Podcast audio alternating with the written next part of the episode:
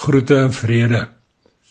Welkom weer eens hier by die kuierplek op die vlak vir nog 'n Kalahari storie.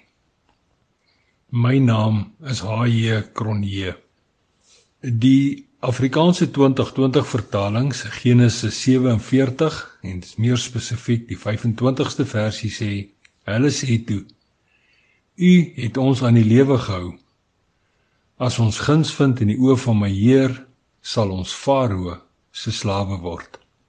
En vanmiddag se storie se naam Guns in sy oog. Dit is amper dagbreek en ek sit langbeen met my oranje koffiebeker buite by die kuierplek op die vlak. Neffens my dans en draai geelrooi vlammetjies op die maat van rustige musiek wat net hulle kan hoor. Net nou gaan die warmste hemelig sy kop agter die verste sien optel sodat sy oog alles op die Kalahari vlak sal kan sien. Maar my vroegoggend dink dinge wil vandag nie sommer veel verder as die Kalahari se vergeete mense goed beweeg nie. En voorwaar kosbare en ongekompliseerde skapelinge wat oorloop van opregtheid en eenvoud. Al is die droogte kant van die lewe so onlosmaaklik deel van hulle daglikse bestaan. Dis nou mense goed soos om Janneman en Willagoed. Oom Janneman byvoorbeeld se standaard antwoord was altyd: "My dink loop nog so 'n bietjie rond as hy iets gevra word. Niks meer nie en niks minder nie. Net dit." En so staan die saak vas. Maar daardie dag toe oom Janneman sy saak met die kerelkind van God regmaak en uitniel, daardie dag het die skaamte hom gelos. Eers het hy net geluister en toe vra begin vra. En daarna het hy begin vertel van kosbare belewennisse. Maar die koffie met die kondensmelk was die dag toe oom Janneman spontaan verklaar dat hy die guns van die kerelkind se oog gekry het. En deesdae loop oom Janneman se dink loop soos 'n skoothondjie al agter Jesus aan. En wille goed op haar beurt het een agtermiddag onder 'n groot suidwesdoring besef dat 'n erge hongersnood in haar binneste binne haar dood gaan kos. Haar binneste binne is stadig gaan besig om dood te gaan. Dis nou van wie 'n dwarsduin vol liefde vir die soetwyn.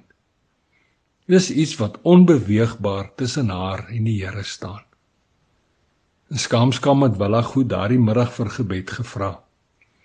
En sommer nog voor die amen uit my mond gekom het, het Willagoed se binneste al begin borrel van dankbaarheid want het sy gesê ek het guns in die kerelkind van God se oë gekry.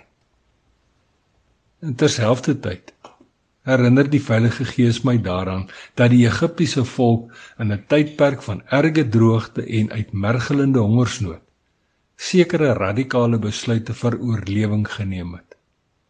Nadat hulle al hulle bates, dis nou hulle geld, hulle vee en hulle grond aan Josef oorgedra het, het hulle uit vrye wil as Farao se slawe gefunksioneer. Hierdie volk was ten volle uitverkoop aan Josef, bloot net om te kan oorleef, want hulle het guns in Josef se oë gekry. Maar wat van ons? Wat van my en wat van jou? Word ons ook gekonfronteer met 'n tydperk van erge droogte en uitmergelende hongersnood. Moet ons nie dalk weer radikale ankerpaal besluite neem om te oorleef nie? Ankerpaal besluite in 'n genadeloose wêreld waar ons Jesus as God se kerelkind met alles en in alles vertrou. Ankerpaal besluite om soos oom Janneman ons daglikse dink net agter die kerelkind van God te laat aanloop en om aan mekaar te borrel van dankbaarheid soos willagoed. Want sien, ons het ook onverdiende guns in die kerelkind van God se oog gevind. Nou ja toe. En tot 'n volgende keer. Los mooi spore en sandkorrelbaai seëninge.